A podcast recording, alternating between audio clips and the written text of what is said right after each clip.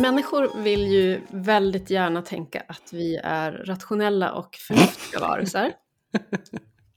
Mm. Vi, och där kan vi redan märka att det håller ju inte du och jag kanske med om.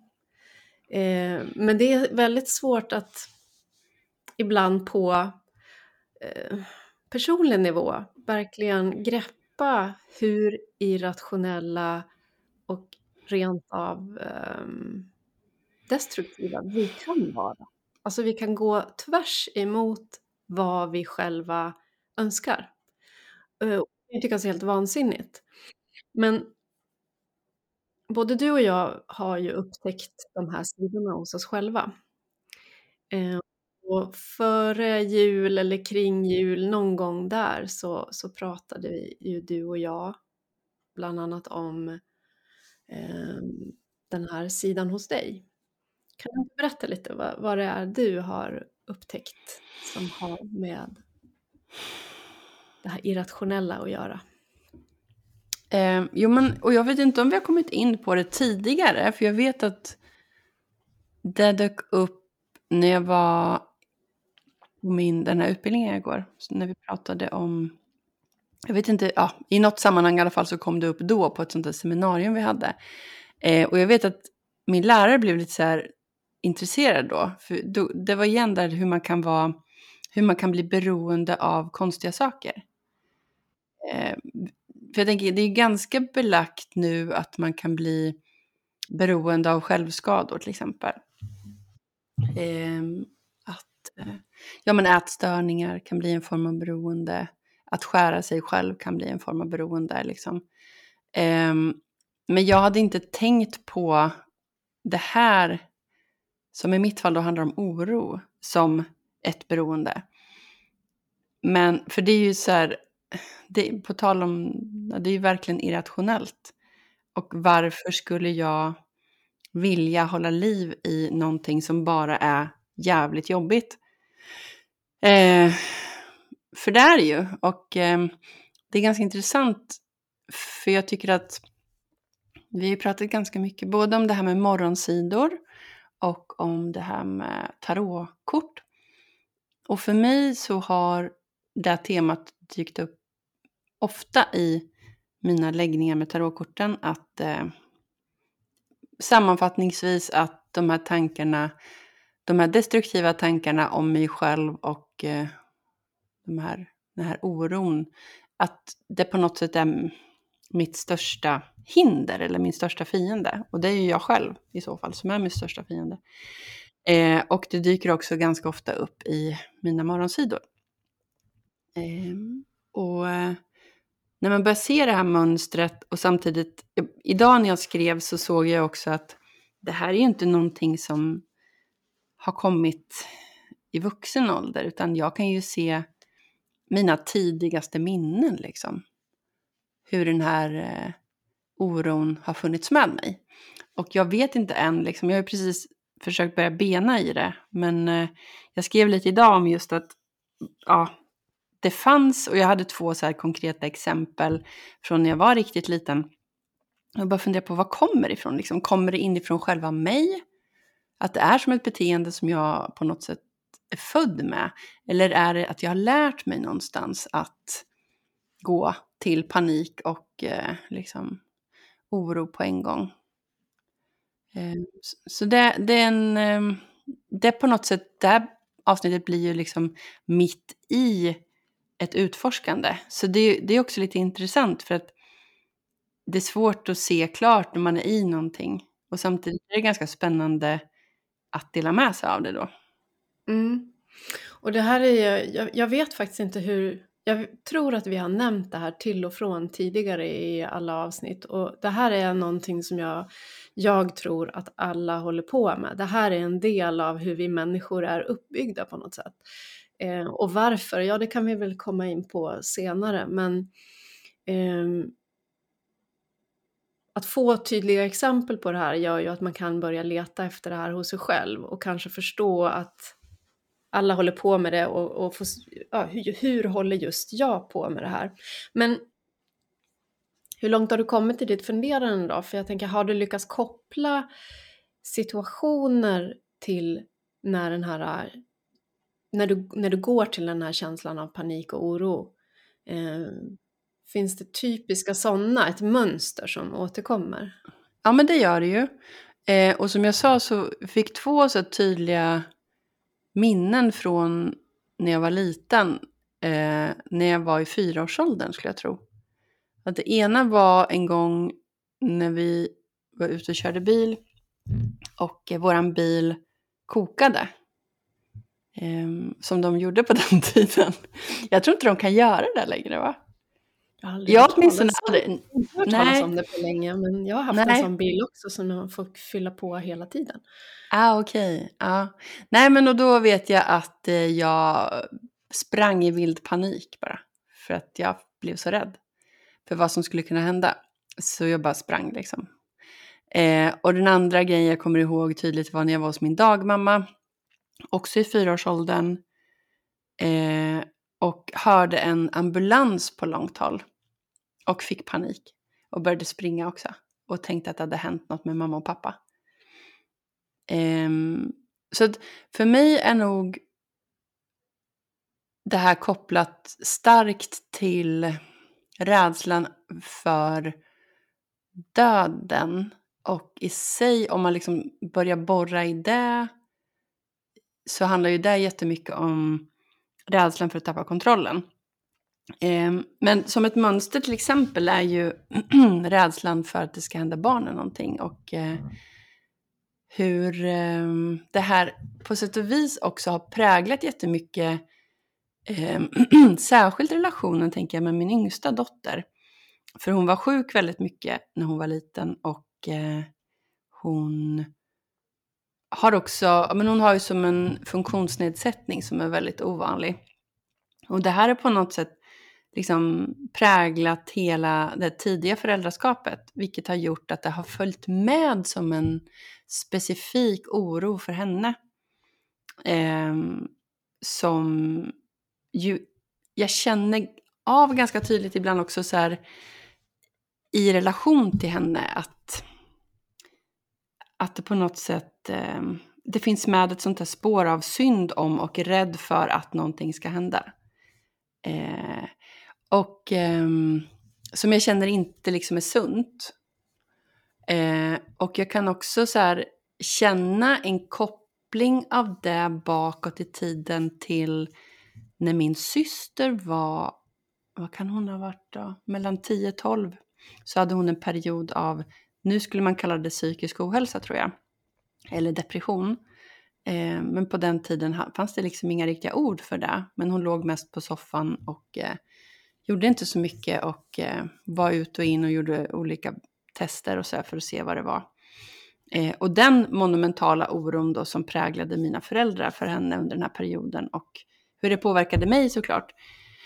Eh, så det finns ju säkert ett mönster bakåt till ehm, ja, föräldrar, syskon, eh, familjesituationen såklart. Men jag tänker att det här är så här knepigt att här skulle vi kunna stanna nu och så skulle vi kunna bara, liksom bara fokusera blicken mot eh, eh, oron för, för döden, för sjukdomar och, och, och, och stanna där och tänka att ja, det är ju mänskligt och så. Men den Men. här den här idén om självsabotage, den grundar sig egentligen på att det här har egentligen sin koppling till någonting som har hänt före det här.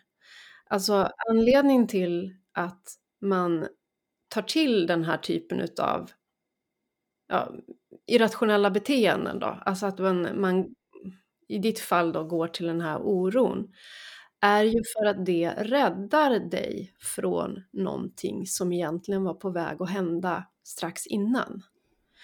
Så det är där skulle du behöva börja leta i. Vad är det för känsla som föregår allt det här innan du överhuvudtaget kommer att tänka på någon typ av utav oro? För ambulansen, ehm, förekomst av sjukdom och så här, det kan vara liksom ursäkter för att kicka igång den här. Ja. Ehm, jag kan ta mig själv då som exempel för att se det kan bli tydligare. Min, min, eh, mitt sånt här destruktiva självsabotage det är att jag, och beroende då, det är att jag, jag är beroende av att känna att jag, min tid och eh, min möjlighet att göra saker är kontrollerad av andra. Mhm. Eh, och det låter ju liksom också helt sjukt. Varför skulle jag vilja hålla mig fast vid det? Varför vill jag liksom hela tiden kasta mig in i sådana tankar? Det, och, och sättet jag gör det på är att det kan vara en situation som egentligen, jag lyssnar inte ordentligt på vad som sägs, utan jag läser in massa saker i den situationen, att jag förväntas ställa upp på någonting, att jag förväntas att delta i någonting. Och så känner jag mig egentligen pressad in i det här. Eh, och jag måste släppa taget då om någonting som jag eh, egentligen vill göra. Men, ja, får jag ställa en Och- fråga sen? Och det där, mm, ja, men jag tänker sättet jag, jag gör det här på då, Mm. det är att jag har insett att stunderna innan, då kan jag ha en hel öppen helg framför mig. Där jag då känner bara, gud vad härligt, jag kan, nu kan jag äntligen gå ner i garaget och jag kan eh, bara måla. Då kan jag känna hur det liksom knyter ihop, alltså först kommer den längtan. Och alla de här möjligheterna som är öppna och jag kan känna lust för det. Sen känner jag hur det knyter ihop sig eh, inom mig. Och jag går in i den här helgen och så hör jag hela tiden så fort liksom men det, det hör av sig någon vän, frågar om hjälp eller bara frågar om eh, vill du hänga med på det här? Eller eh, min fru då kan eh, säga det, vi skulle behöva städa här idag. Och då hör jag Mm. att jag är tvungen att vara någon annanstans. Jag är tvungen att ställa upp på det här. För här förväntas jag vara. Men det är inte det de säger och jag har en möjlighet att säga ja, men först ska jag göra det här. För det här känns viktigt för mig. Men det finns inte på kartan för mig utan jag, jag bara kastar mig direkt på det här och på något sätt har jag insett götta mig lite i att jag känner mig fångad utav andra och att andra lägger ans- gör anspråk på min tid. Det är någon så här konstig, äcklig förtjusning i det. Men det jag tänker att det räddar mig från, det är ju det här äh, att jag bara ska släppa taget och följa någonting som jag själv vill göra. För det är en enorm frihet och jag går, jag går upp i någonting som bara har med mig att göra. Jag släpper hela omvärlden. Och jag tror att det grundar sig i att det har jag någon gång uppfattat som farligt. Jag kan, jag kan inte ha ett minne av det, eller jag har inte ett minne utav det, men teorin säger ju det att någon gång under min uppväxt så har jag suttit försjunken i mig själv, jag har liksom lallat på med mina egna grejer. Och sen kan jag tänka mig att, låt säga så här, nu hittar jag på ett exempel. Jag kanske har bara sparkat av mig skorna när jag har kommit in i huset. Jag har släppt, Eh, jag har gått in, tagit mig en macka för jag var hungrig när jag kommit hem någonstans ifrån kanske. Jag har lämnat allting framme i köket och så har jag gått in och så har jag försjunkit mig i, försjunkit ner i det jag vill hålla på med. Hem kommer en trött förälder som ser allt det här och blir jätteförbannad. Bara, du måste ju ställa in osten, liksom rusar in i, i rummet och är arg. Um, och det, det är någonting som jag tycker är obehagligt. Jag tycker det är väldigt obehagligt. Och då kan det finnas en risk att jag förknippar den här sköna känslan av att vara avslappnad och fullständigt vara inne i det jag har lust med. Med att det är farligt. Jag vill undvika den här obehagliga känslan igen. Ehm, och därför så är det liksom säkrast för mig att uppfinna och tolka in hela tiden och liksom ha det i bakhuvudet hela tiden att snart kommer någon att vilja ha någonting av mig och om inte jag är på tå, om inte jag engagerar mig i det, om inte jag liksom kastar mig in i det istället så kommer någon att bli arg och det, jag får ju hjälp i min värld att undvika att hamna i de här situationerna där jag kan bli överraskad av det här plötsliga ilskan riktad mot mig. Eh, och här är det liksom, nu plockar jag verkligen ett exempel ur luften för jag har inget minne av att det skulle ha gått till på det här viset men teorin bygger på det att, eh, att det skulle funka så här. Det låter ju rätt rimligt liksom. Ja, vad tänker du när du hör det? Eh, jag tänker ganska många saker. Eh, det låter väldigt rimligt. Sen tänker jag att jag känner igen mig mycket i eh, mycket i mycket. För någonstans är ju, alltså i mitt, hos mig låter det som en form av projicering. Att det, du gör ju egentligen de här sakerna mot dig själv. Men du måste ha en eh, katalysator eller en spegelyta eller vad man ska kalla det för i form av en annan person. Mm. Eh, som blir den då som du kan reagera mot. Eh, därför att som du säger så ger ju det dig en hjälp också. Jag tänkte på det vi pratade om när du höll på att måla. Eh, det var, kan vi ha pratat om i något avsnitt eller i något av våra andra samtal. Det är svårt att hålla isär allt nu, men du sa just det här att det kunde vara svårt att välja, liksom. det finns så sjukt mycket färger. Vad ska man ta för färger? Det här blir lite som en hjälp för dig att välja. Säg att du har en helt öppen helg framför dig. Jag kan också känna den där paniken. Jag vill ta vara på den här tiden på bästa sätt. När jag är ensam. Nu låter mina barn, jag ber om ursäkt på förhand. Eh, ja, jag tappade tråden lite för att eh, jag har stängt in mina barn i källaren och eh, jag kan inte hindra dem från att gå på toa ibland. Så eh, nej, men vi var inne på det här med färger och val och projicering. Och, nej, men att det här blir ju ett sätt för dig också, tänker jag, att eh, snäva ner antal. Alltså, ibland kan det ju bli för mycket att välja på.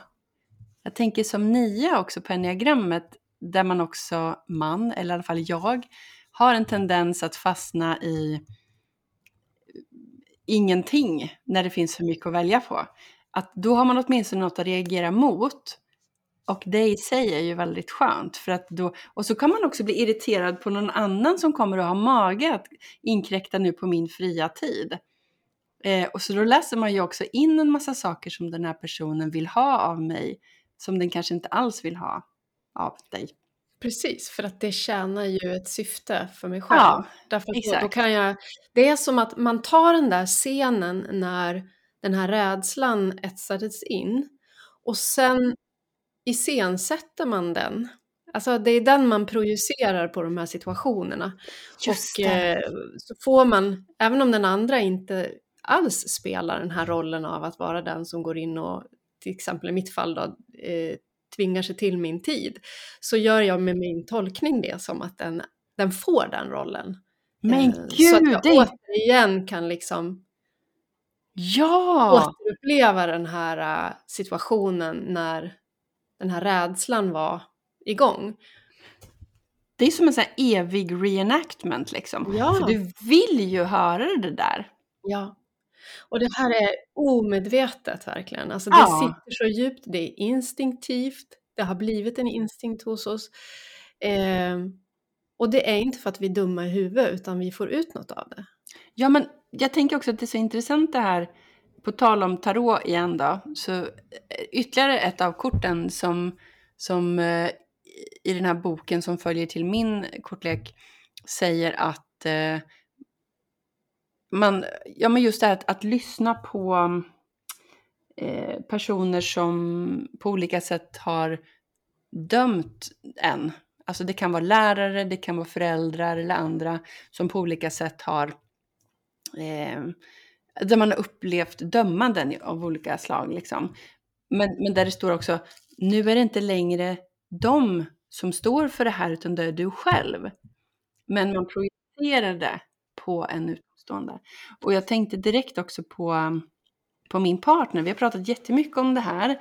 Eh, hur han, eh, jag tror att, jag, att det är okej okay för honom att jag pratar om det här, för han tycker också sånt här är väldigt kul eh, att han har fått syn på att eh, han lätt liksom har följt med andra eh, och eh, lite så här släppt taget och släppt ansvaret och, att partnern då i fråga har fått liksom styra eller att han har tagit över den personens liv på olika sätt. Liksom. Att det har varit ganska bekvämt att eh, frånsäga sig ansvaret.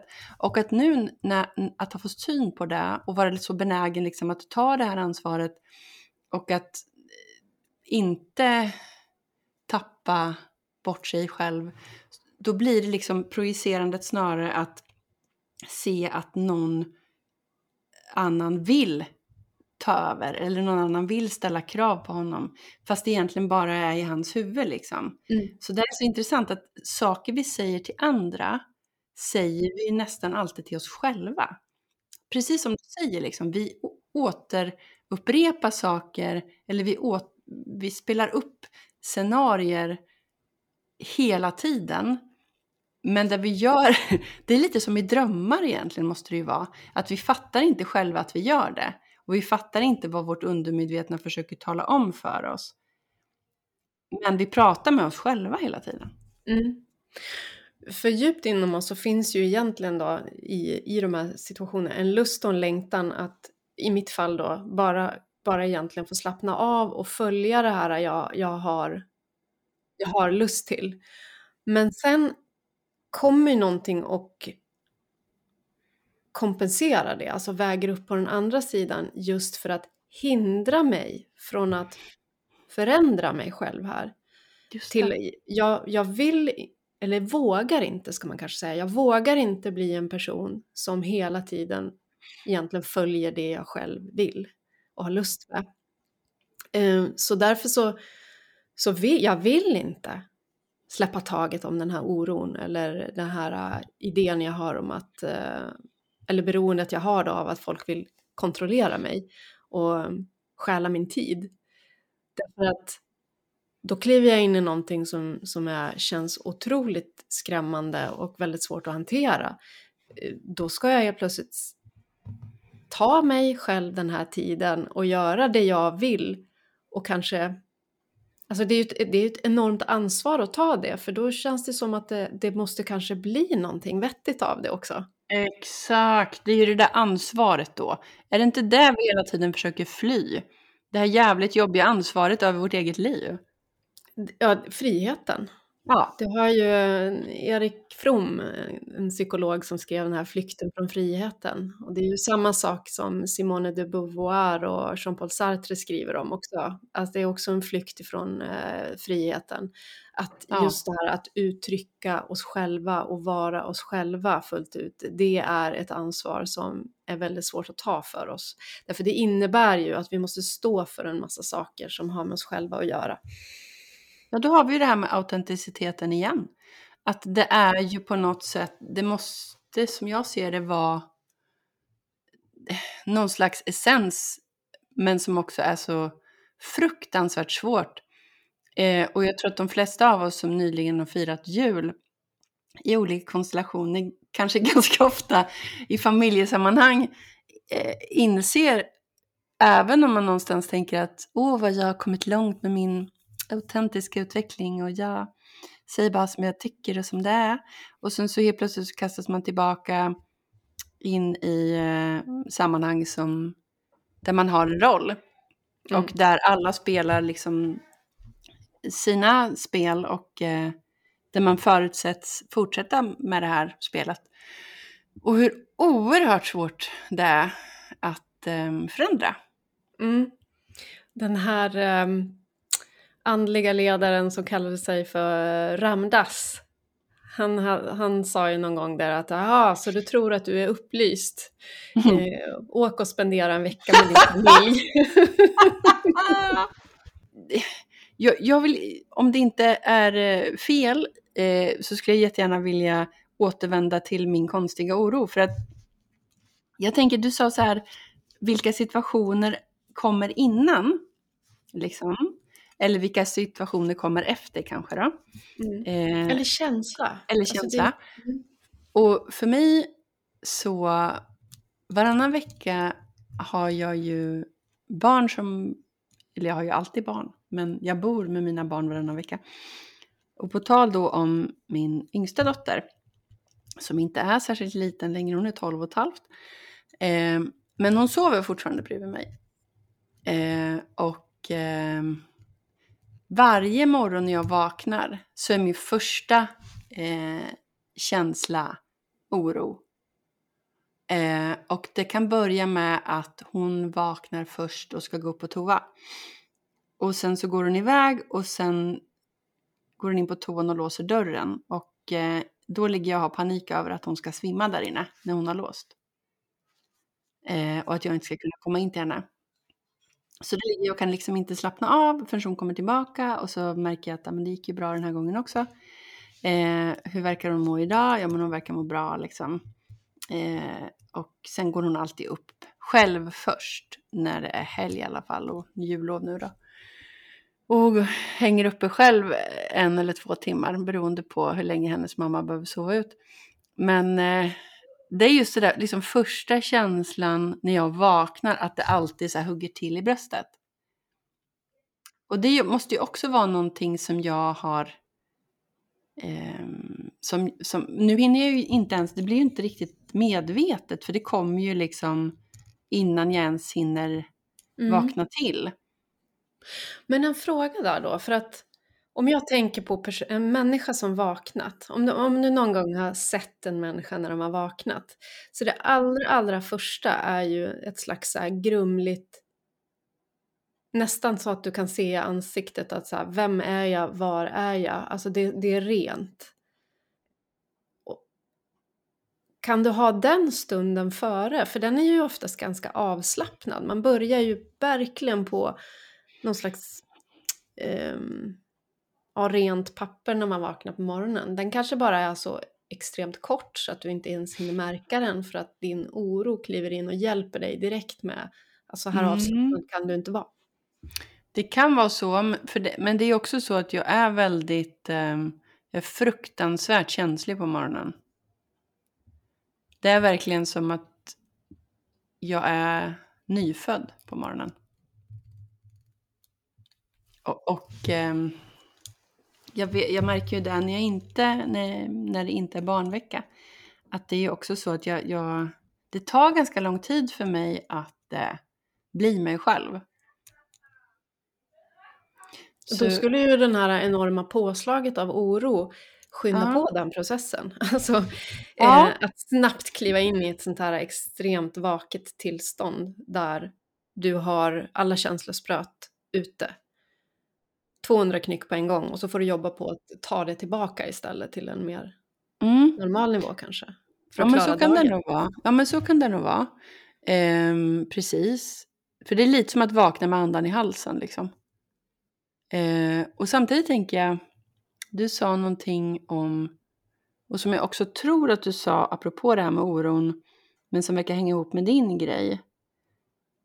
Det här att eh, jag verkar skydda mig själv från att slappna av.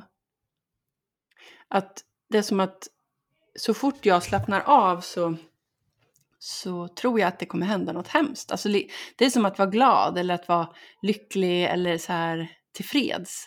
Att då, då är det som att jag hela tiden måste tänka ut nästa grej att vara orolig för eller stressa upp mig för eller så.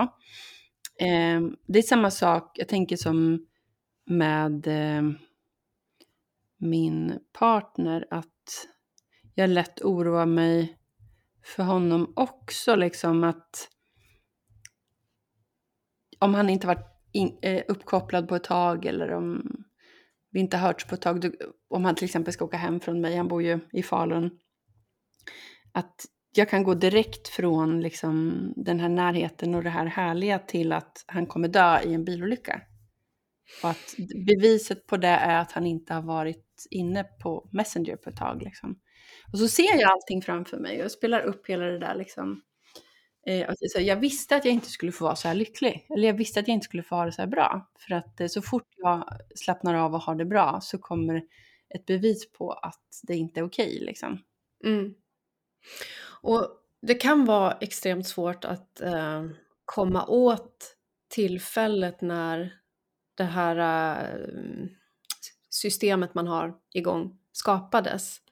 Men man kan ju alltid spekulera om det är till hjälp för en i att eh, tänka sig in i ja, men vad, vad hos ett litet barn skulle kunna ha hänt som gör att man får övertygelsen av att om jag slappnar av så händer någonting hemskt i andra ändan. Därför att ett barn är så självcentrerat, det måste man komma ihåg här, att den här det här har verkligen inte skapats i ett rationellt logiskt sinne utan det här, och det, dessutom så är man ju väldigt självcentrerad som barn. Man tror att allting handlar om en själv. Allting har en koppling till en själv. Och går man riktigt långt tillbaka som, som spädbarn så har man ju inte ens hunnit liksom göra sig en uppfattning om att man är separerad ifrån omvärlden, att man är separerad från andra människor. Så då kan man verkligen tro att eh, den olycka som hände ett syskon eller den olycka som hände som man iakttog, mm. den hade att göra med att jag hade slappnat av här. Alltså man gör en sån här, det är, jag vet inte, det är nästan som ett magiskt tänkande, att man tror att eh, man kontrollerar världen mm. på det sättet. Så. Mm. Um, Jo, och det måste ju vara sådana här tidiga minnen, tänker jag, som, som du säger, där man är riktigt liten. För jag, jag har ju många minnen från när jag är liten. Men, men eh, de här i frågan om de går att komma åt på något annat sätt än i psykoanalys och hypnos eller så. Eh, de här liksom bebisminnena. Mm. Ja, och jag, jag, tror inte ens att vi faktiskt behöver komma åt dem, utan jag tror att du, det finns. Om du bara börjar att lyfta på de här lagren som du håller på med, då kommer mm. du en dag att få fatt i en sån här um, övertygelse. Um, att jag tror jag tror att jag kontrollerar vad som händer i världen. Alltså, ja, det tror jag ju. ja, men alltså det, eh, jag, jag, tror att jag kontrollerar att ingenting olyckligt händer i världen eller liksom ja. här, att, det inte går, mm. att inte går snett med någon. Att, att folk, nej men så här, det kanske är så jävla grandios att folks liv ligger i mina händer. Alltså, det är grandiost, man måste tänka sig att det är det. Jag menar, jag, vi har varit inne på det i något tidigare avsnitt, tror jag, eller så har jag aldrig berättat det, men jag har ju liksom en grandios eh, övertygelse om att jag kan kontrollera vad alla andra tänker om mig. Jo då, det har vi kommit in på. Ja, det har vi säkert varit inne på. um, och den har jag verkligen, jag har varit med om en situation när det verkligen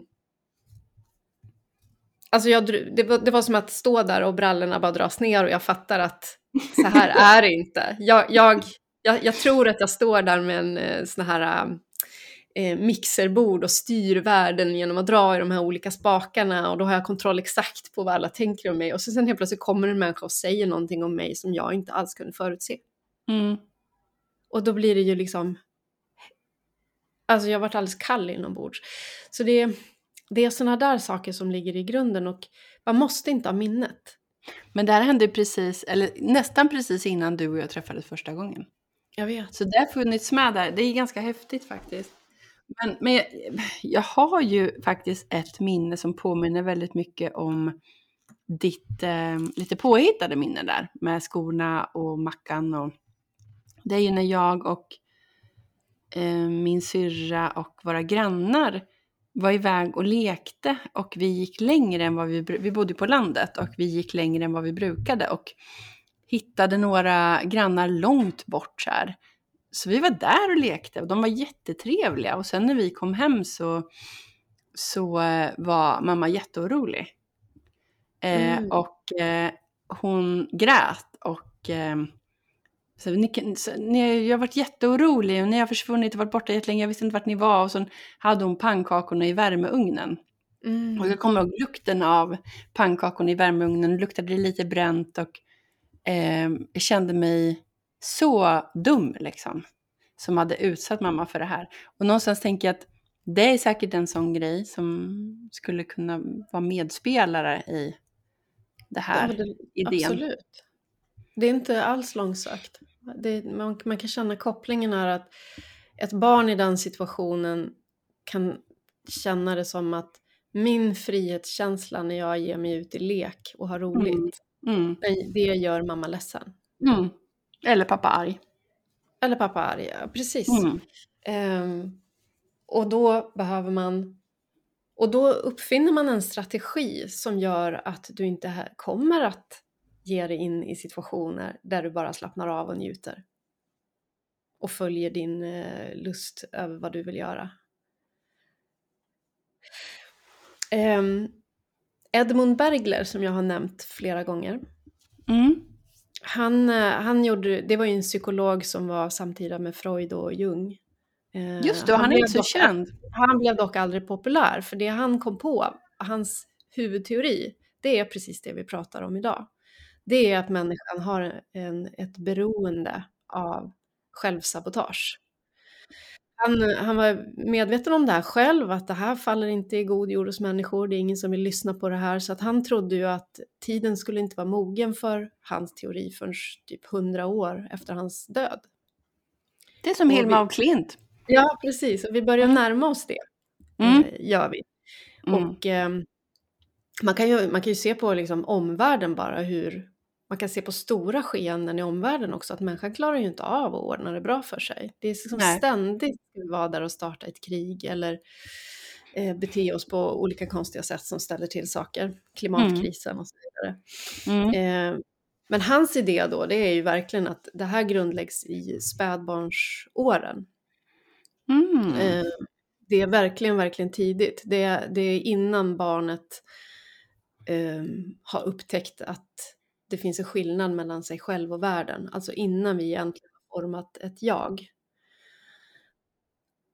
Då är vi så pass små att det är helt, det finns inga föräldrar som klarar av att uppfylla ett så, så litet barns alla behov på nolltid liksom. Det kommer alltid att hända någonting. Så det betyder liksom inte att alla föräldrar är, är, är dåliga föräldrar och aldrig kommer att kunna liksom göra, ge en bra uppväxt för sina barn, utan det handlar ju om det här att barnet inte klarar av att eh, tolka det som händer på något annat sätt.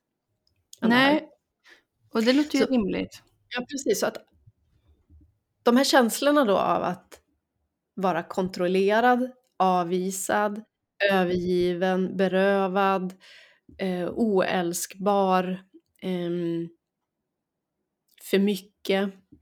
Alltså vad det nu kan vara. Eh, det är så himla smärtsamt att, att uppleva de här. Framförallt det här med att vara, vara oälskbar, övergiven, avvisad. Det är på liv och död för ett sånt här litet barn. Det är bokstavligen på liv och död. Det är livsfarligt. Um, och upplevelsen av att det är så, att det, inte, det här är inte alls en, en trygg tillvaro, den är så omskakande och smärtsam. Så han menar att vi utvecklar liksom ett masochistiskt förhållningssätt till det här. Det är så smärtsamt att leva med att vi måste liksom uppfinna en, en idé om att vi vill ha det. Därför att då tar vi kontroll över det igen. Ja, exakt. Vi tar makten över det genom att göra det till någonting som vi faktiskt tycker om.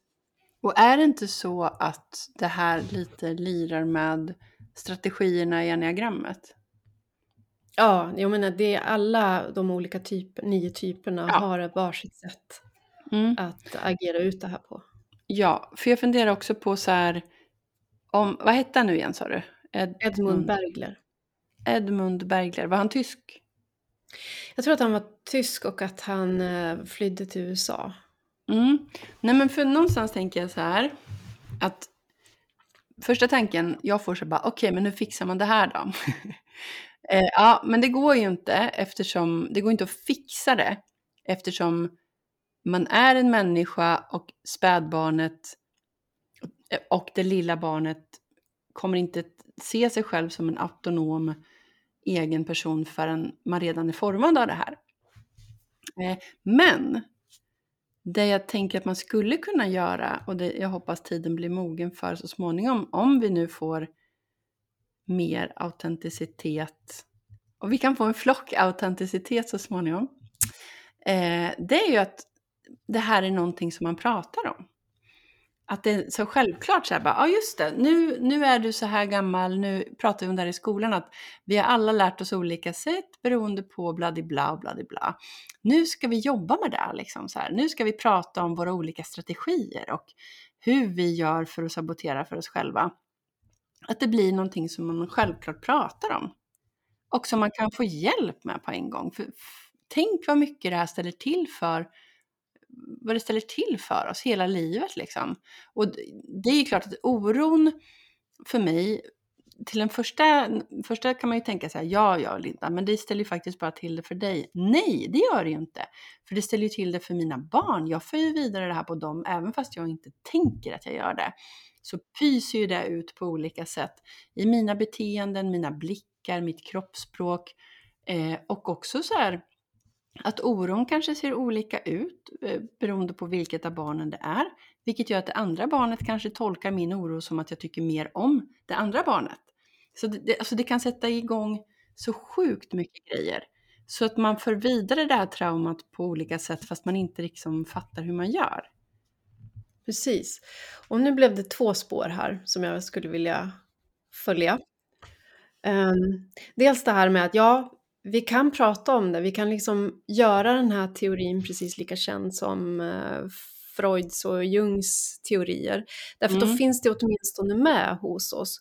Men jag tror att du behöver bli, komma upp i en så pass mogen ålder så att, och du måste ha levt ett tag för att se här mönstret upprepa sig tillräckligt många gånger och komma till en punkt där, men vad fan gör jag så här för? Varför sabbar jag varje påbörjad utbildning jag gör? Varför hoppar jag av? Eh, varför kan jag aldrig stanna i en relation? Varför gör jag slut på en gång? Varför är jag ständigt otrogen? Alltså man måste liksom börja se mönstren innan man kan få fatt i dem, för det här är så djupt nere i medvetna.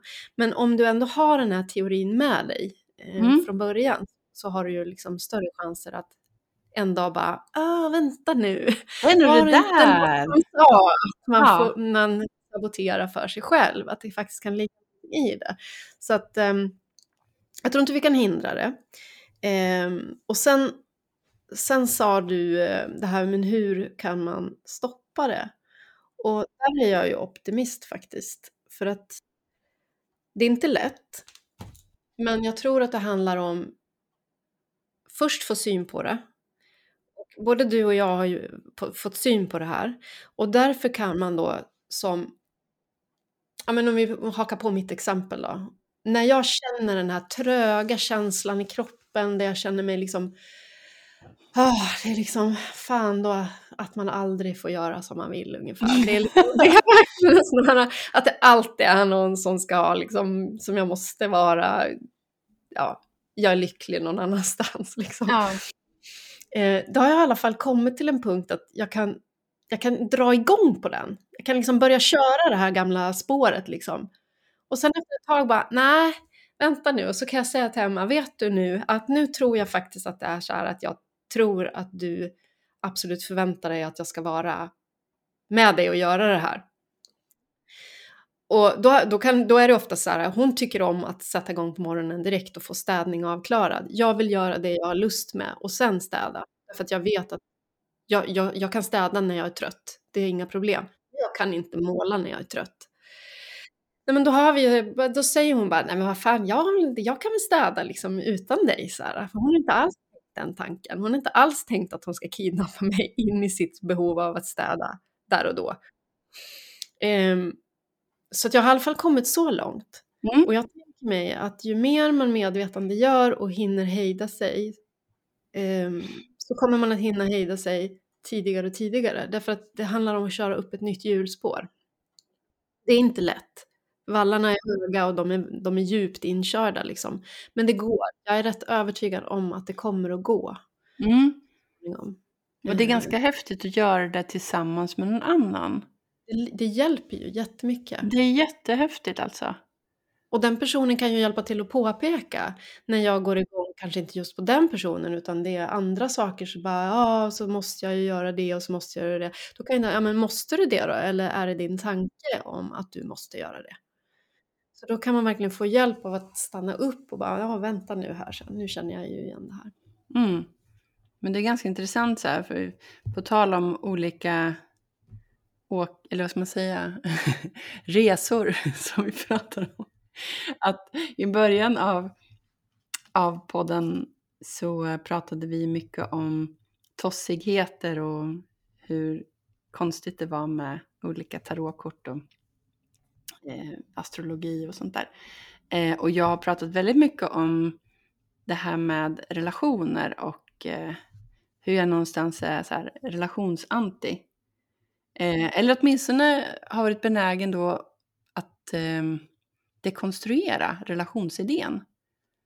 Och tänkt på något sätt att jag ska kunna göra det på egen hand utan att vara i en relation. Och hur annorlunda det blir då att inse att det går att göra det fast i en relation. För då blir det ju mer liksom, då är det ju inte teori längre utan då är det ju praktik.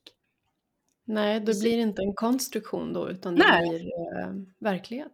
Man får leva det där som man någonstans har tänkt att ja, men det, det autentiska på något sätt i relationen. Det, det är mycket lättare att gå runt och vara autentisk när man inte behöver relatera till någon annan. Precis, och du kan ju inte, det, det är det här som, ehm, du kan ju inte tänka dig till den här förändringen som det blir om du sitter på din egen kammare och liksom, ja men nu ska jag aldrig göra så här igen och så har man logiska argument för att det här är liksom, så här ska det inte fungera och så vidare. Du måste ju, för att kunna köra upp det här hjulspåret, måste du ju vara i de kritiska situationerna. Det är ju bara där du kan köra upp det nya hjulspåret. Du måste liksom leva eh, erfarenheten. Så att du programmerar in en annan eh, blueprint. Mm. En, Ett ny, muskelminne. en ny instinkt. Mm. Därför att om vi ska ta tarotkorten igen så tror jag att det är det här kortet 8 som heter styrka i Mm. Rider Waite Smith men som heter balans tror jag i den där kortleken som du har. Mm.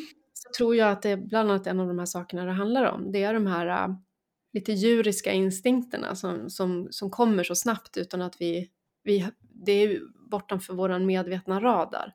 Mm. Eh, det är de som vi behöver tämja. Helt enkelt. Jag tror Ja, att det är de här Eller de menas. man släppa på. Eh, många gånger. För det Ja, kanske men är det, det, vi ska, det vi vi skyddar ska oss liksom ta fram det som finns, döljer sig under. Det som Exakt. vi har försökt rädda oss bort ifrån. Så att Ja. det, det är liksom instinkten ligger som ett lock över det här. Ja, Den precis. skapar boxen som vi är fast i helt enkelt. Vi som brukar Ja. prata om att vi går omkring i de här boxarna. Vattnet vi simmar i eller hur man nu vill kalla Ja. det. Vi måste Nej, men- fatta vad är det som är farligt och dåligt för oss. Är det verkligen att jag slappnar av och eller säger det jag tänker på eller vad det nu kan vara som vi har belagt med Mm. eh, skräck? Eller är det den här tendensen jag har att göra det eller det eller det? Det mest absurda kring just det här med teori och praktik och idén om att man ska kunna läsa sig till och tänka sig till eh, någonting är väl när jag inför min första, eller under min första graviditet och inför min första förlossning, att jag på riktigt trodde att jag kunde läsa mig till kontroll eh, och gå på kurser och få kontroll.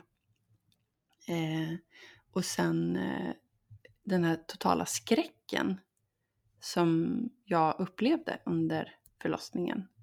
Och den här oresonliga smärtan. Och att jag inte kunde göra någonting. Eller jag upplevde att jag inte kunde göra någonting. Och hur, hur det sen då följde med. Eh, och gjorde att jag absolut inte ville ha fler barn. Eh, och inför då nästa barn, vilket det ju blev ju ändå två barn.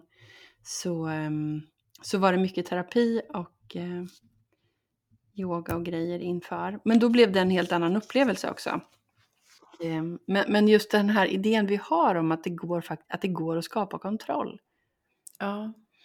Och med det du berättade alldeles nyss så- fick jag bara en, en känsla av att i grunden, eftersom det handlar väldigt mycket om död och sjukdom, Mm. att det finns en, eh, ett behov av att kontrollera själva livs-döds-livscykeln. Ja, som ju är, är, är livskraften själv. Och om det är någonting man möter under en förlossning så är det livskraften. Därför du, Ja. har ju, du har ingenting att säga till om det hela själv. Du kan ju göra motstånd eller du kan arbeta med. ja. Det är det enda du kan göra men du kan inte stoppa det. Nej. Nej, och det var, det var för det, det är också så intressant tänker jag. Eh, man hör ju om personer som säger att det är det häftigaste de har gjort. Och också människor som berättar om att graviditeten är deras bästa tid. Att det är det bästa liksom, de har varit med om. Och för mig är både de, liksom, jag tyckte det var avskyvärt. Jag tyckte det var jättejobbigt att vara gravid. Och jag tyckte att eh, situationen, förlossningssituationen var, det var liksom fruktansvärt. Jag var tänk jätterädd. Om, tänk om det är själva liksom ja, men om vi säger livskraften, livslusten. Det är inte att slappna av som är det du är rädd för, utan du är rädd för... Livet. Ja, livet självt. Alltså, det, det, ja, precis. Det låter helt absurt. Och i och med att du skrattar nu så kanske det, det finns någon sanning i det. Ja, gud. Jag bara blir så här, bara hjälp, men hur, hur, ska jag, hur, hur, ska jag, hur ska jag fixa det här? Det blir min första grej så här. Hjälp, hur ska jag ta tag i det här nu då? Jag är rädd för livet, för det låter väldigt rimligt. Jag är rädd för, ja, det, precis så är det ju. Men då kommer ju det här med medkänsla in. Det är här vi hela tiden då måste vi måste faktiskt anamma fram den här bilden av oss själva som ett litet barn som som på sitt oskuldsfulla vis såg världen på det här sättet och inte kunde förstå det bättre. Och för varje gång vi återigen faller in i det här självsabotaget så är det ju bara det här lilla barnet som agerar inom oss. Um, vi, vi har... Jag vet att liksom när man pratar om det här att det inre barnet så måste man komma mm. ihåg att vi har faktiskt två sådana. Mm. Vi är splittrade här. Alltså, om vi från början föds som att bara vara det här barnet som, som följer livsimpulserna och som är spontana och som är oskuldsfulla och ännu inte har gjort sig olika övertygelser om, om världen.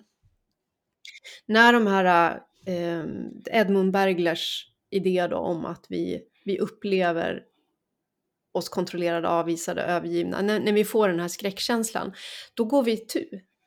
Mm. Alltså då blir Jungs modell. Vi går verkligen i tur. Vi skapar, ja. skapar det här rädslobaserade egot. Um, då har vi helt plötsligt inte bara det här inre, det som brukar kallas för det gudomliga barnet, utan då skapar vi det övergivna barnet, vi skapar sårade barnet, eh, det beroende barnet. Någon tre utav av de stilarna eh, har vi där. Och det är det här lilla oroliga, övergivna barnet som vi måste liksom ha en dialog med. Därför det, det, det är den lilla sidan av oss själva, alltså den lilla varelsen inom oss själv som är framme och agerar och som behöver bemötas, den ska liksom inte avspisas utan här, vad skulle man göra med ett barn som liksom blir så orolig? Om man skulle plocka upp det i famnen, och man skulle visa det kärlek. Man ska ju inte tala om att den är, äh, så där ska du inte tänka eller, för det hjälper ju inte. Utan det är bara eh, med små doser liksom återetablera den där tryggheten att kunna släppa fram den andra sidan då som vi har låst inne i den här boxen. Det inre barnet som är oskuldsfullt och spontant och som är autentiskt. Det paradoxala är ju att jag känner det barnet så starkt. Eh, att jag på något sätt har det här i mig så starkt fortfarande. Men jag håller, lägger band på det barnet med hjälp av det andra barnet då. Mm. Eh, så mycket. Och det är väl det här andra barnet då som inte vill låta det oskuldsfulla barnet slappna av och leva. Mm. Mm. Men jag tror ju inte att det här, det här är ju inte en felkonstruktion i människan. Utan jag tror att det har behövt bli så här. Det är en del dels av det här äh, att vi är flockvarelser. Så det är en del av socialiseringsprocessen överhuvudtaget. Att vi ska, eh, vi ska anpassa oss till den liksom, situation som vi är födda in till. Det är dels den. Men jag tror också att den har en, eh, en viktig roll i att forma skickligheter som vi har. Så någonstans i den här självsabotaget så finns det ju också olika förmågor vi, vi bygger upp för att, ehm, för att kunna hålla det här självsabotaget igång. Eh, till exempel att bli väldigt mottaglig för andra människors behov som jag Ja. har.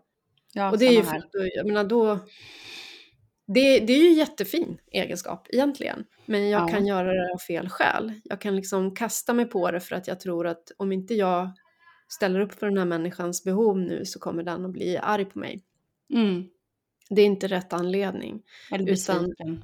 Det, det man har en möjlighet att göra om man förvaltar det här man får syn på då, på rätt sätt, det är att i slutändan kunna tvätta rent den här förmågan så att den kan användas utav det autentiska istället. Jag skulle säga att vi är exakt eh, tillbaka på eh, buddhan igen. Alltså den här gyllene buddhan och eh, leran. Eh, och hur eh, att man någonstans... Eh, nu tappar jag ordet igen. Att man, ah, jo, anrikar leran. Liksom. Eh, för den har jättemycket bra Det är ju inte, det är inte bara skit. Liksom. Det är som att i början när jag tänkte på den här gyllene buddhan och lerlagren. Då var nog idén om att eh, den, den bara skulle tvättas ren från leran. Ja. Men, men insikten om att, som du säger, de, de lagren är där av en anledning också. Och de har tjänat ett syfte. Precis, och det kanske är bättre att använda den här äh, alkemiska processen som en metafor eller, då, eller en legering. Att där tar man ju faktiskt två olika material och så kan, får, smälter de samman, vilket gör att de båda får bättre egenskaper än vad de var för sig hade. Mm. Därför jag menar, det, det inre barnet skulle ju inte klara sig, det här oskuldsfulla barnet skulle ju inte ha klarat sig länge i världen heller. Därför att den har ju heller inte lärt sig att undvika faror eller det skulle kunna bli ett, ett riktigt, alltså barn kan ju vara väldigt själviska och röviga när den inte har fått syn på att det faktiskt finns andra människor i omgivningen som har sina egna viljor och behov också. Så att, Ja men gud ja. ehm, jag tror verkligen att Ja, här- såklart. Och jag tänker att det är väl där någonstans, om man har stött på den känslan när man har varit eh, sig själv och kört på och tagit för sig och varit liksom ehm, lite, ja, lite väl mycket kanske då, som jag kan tänka i mitt fall. Att då har man tolkat de signalerna som att men det här är inte okej, alltså vad pinsamt, du får inte vara så mycket, du får inte ta över andras eh, tid eller röst, utan liksom du måste anpassa dig och eh, tona ner dig själv liksom. Och sen kan ju det ha gått överstyr. Ja men alltså det är så himla lätt att se. Man kan ju ta en sån enkel sak som att du har varit det ensamma barnet och så helt plötsligt får du ett syskon, ett litet syskon. Det här syskonet behöver ju sova så att föräldrarna också får sova eller, eller få en chans att laga mat eller vad man nu måste göra som en förälder. Men ett barn som tjoar och är glatt väcker det här lilla barnet. Och som, det är så lätt att se en förälder som till slut bara liksom snap och så är man arg på det här stora barnet och det större barnet tolkar det verkligen som att jag får inte vara glad. Jag får inte vara för mycket, jag får inte liksom släppa ut all den här glädjen jag känner, det är farligt. Just det. Och så har man etsat in, alltså man hittar kanske på någonting, en, en, eh, ja, vad som helst för att så fort den där känslan riskerar att ploppa ut så, Mm. ja, Här, skulle, här skulle jag kunna komma med tusen exempel från kyrkan också, men det får bli ett annat avsnitt. mm. Mm. Men egentligen tror jag nu, nu när du nämner religion, det här är på ett plan så driver vi oss dit. För all visdom, om man går in i den, även alla religioner har det här i botten. Eh, det handlar om det här. Att komma till rätta med människans tendens till självsabotage. För, för synd är ju liksom ingenting annat än det. Om vi ska gå Nej. till kristendomen så Mm. är det ju på olika sätt som vi förhindrar oss själva från att vara i, jag vet inte om man skulle kalla paradiset eller i Guds rike eller någonting. Så, så Livsflödet. Ja, livsflödet precis. Så alla de här sakerna hindrar oss ju från att vara där vi faktiskt egentligen längtar efter att få vara. Så min största synd är oron, kan man säga då. Ja. Och Mm. min är, eh, ja, jag vet inte vad man ska kalla min för. Ja, men det är någon slags sån här... Om, om, jag, kan, jag kan höra folk utbrista ah, typiskt. Det är den ten, attityden, liksom. att det, det, är liksom typiskt. Det är klart att världen vill att jag ska göra någonting annat än det jag själv vill. Mm. Alltså jag visste det. Lite Ja. så. Mm. Exakt. Mm. Det är liksom att, att få... Och, och då myser man ju också lite på något perverst Ja, jo men så är det Myser man ju. ju över att få rätt. Ja, man får det bekräftat. Är Ja, det. visst, ja. Mm. Gud ja, men det där... Och det då där får ju ty- egot känna sig så här... äh, Ja, jag visste det. Jag Ja, har koll. det är sant. Gud vad intressant. Mm. Och då blir det det grandiosa igen. Liksom. Ja. Grandiost jävla och gegga. värdelöst på samma gång. Liksom. Du, ingen älskar dig nog för att låta dig få göra det du vill. Så här, men du har koll på det, så att du har fan Mm. rätt också. Ja, herregud. Mm. Det krävs ganska mycket självmedkänsla känner jag nu. Jag skulle behöva... Hur jag nu skulle kunna slappna av i den självmedkänslan. Det Ja. blir som, det är som att gå på massage och tycka att det är helt fantastiskt och inte kunna slappna av för att det kommer att ta slut. Låter som ännu en sån här loop som Ja. är inne igång.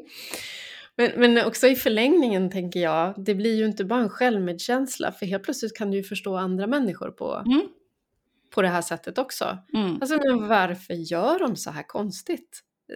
Och så kan man kanske ta det här sättet och tänka på att det- nu håller bara den här personen på att sabotera den här relationen till mig. Nu börjar det kanske, ja men låt säga att man har dejtat någon då. Allting har bara varit jättebra. Det, har liksom varit, det känns som att det klickar på något fantastiskt plan. Och så helt plötsligt så börjar den andra människan dra sig undan. Eller beter sig konstigt liksom. För att det har blivit dags att sabba relationen. För Exakt. visste väl det liksom. Det här är Mm. mitt kärleksliv, det är ingenting för mig. Nej, det är inte en sån tanke som igång. Så att ehm, ja, man kan ju börja förstå andra människor också utifrån det här. Det är något fint i det också, tänker jag. Mm. Jag menar, det är synd om människorna. Mm. Tack Strindberg. Mm. Vi är liksom fast i så mycket skit vi håller på med. Mm.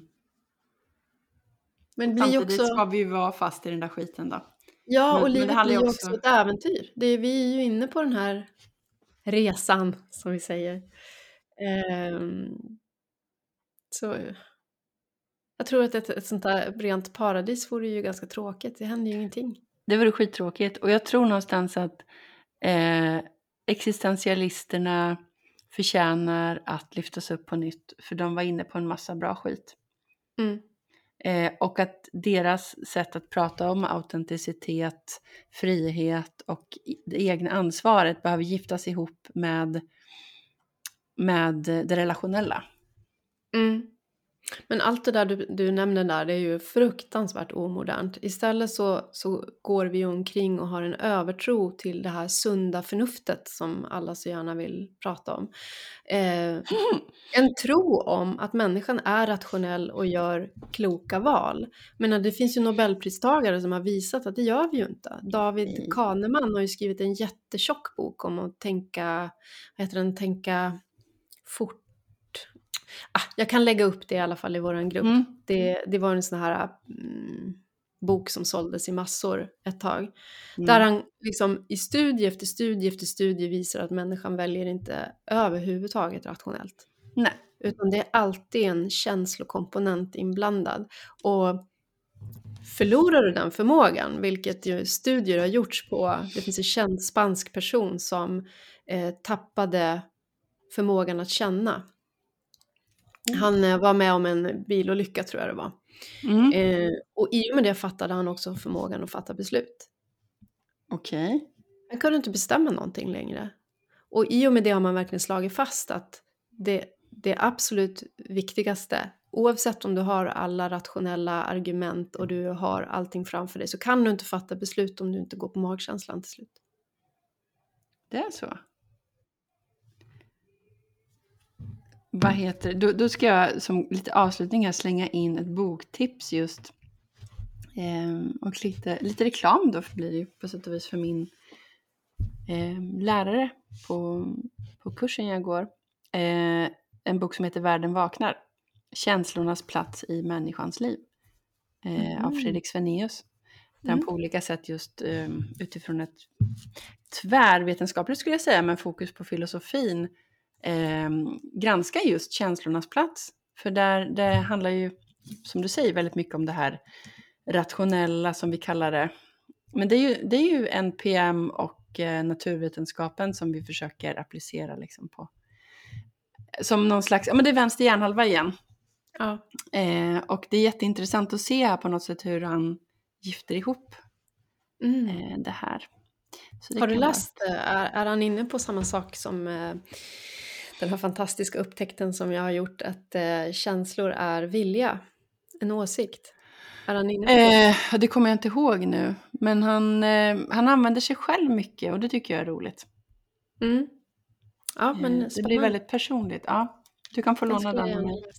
Mm. Ja, men då säger vi så då. Vi gör väl det.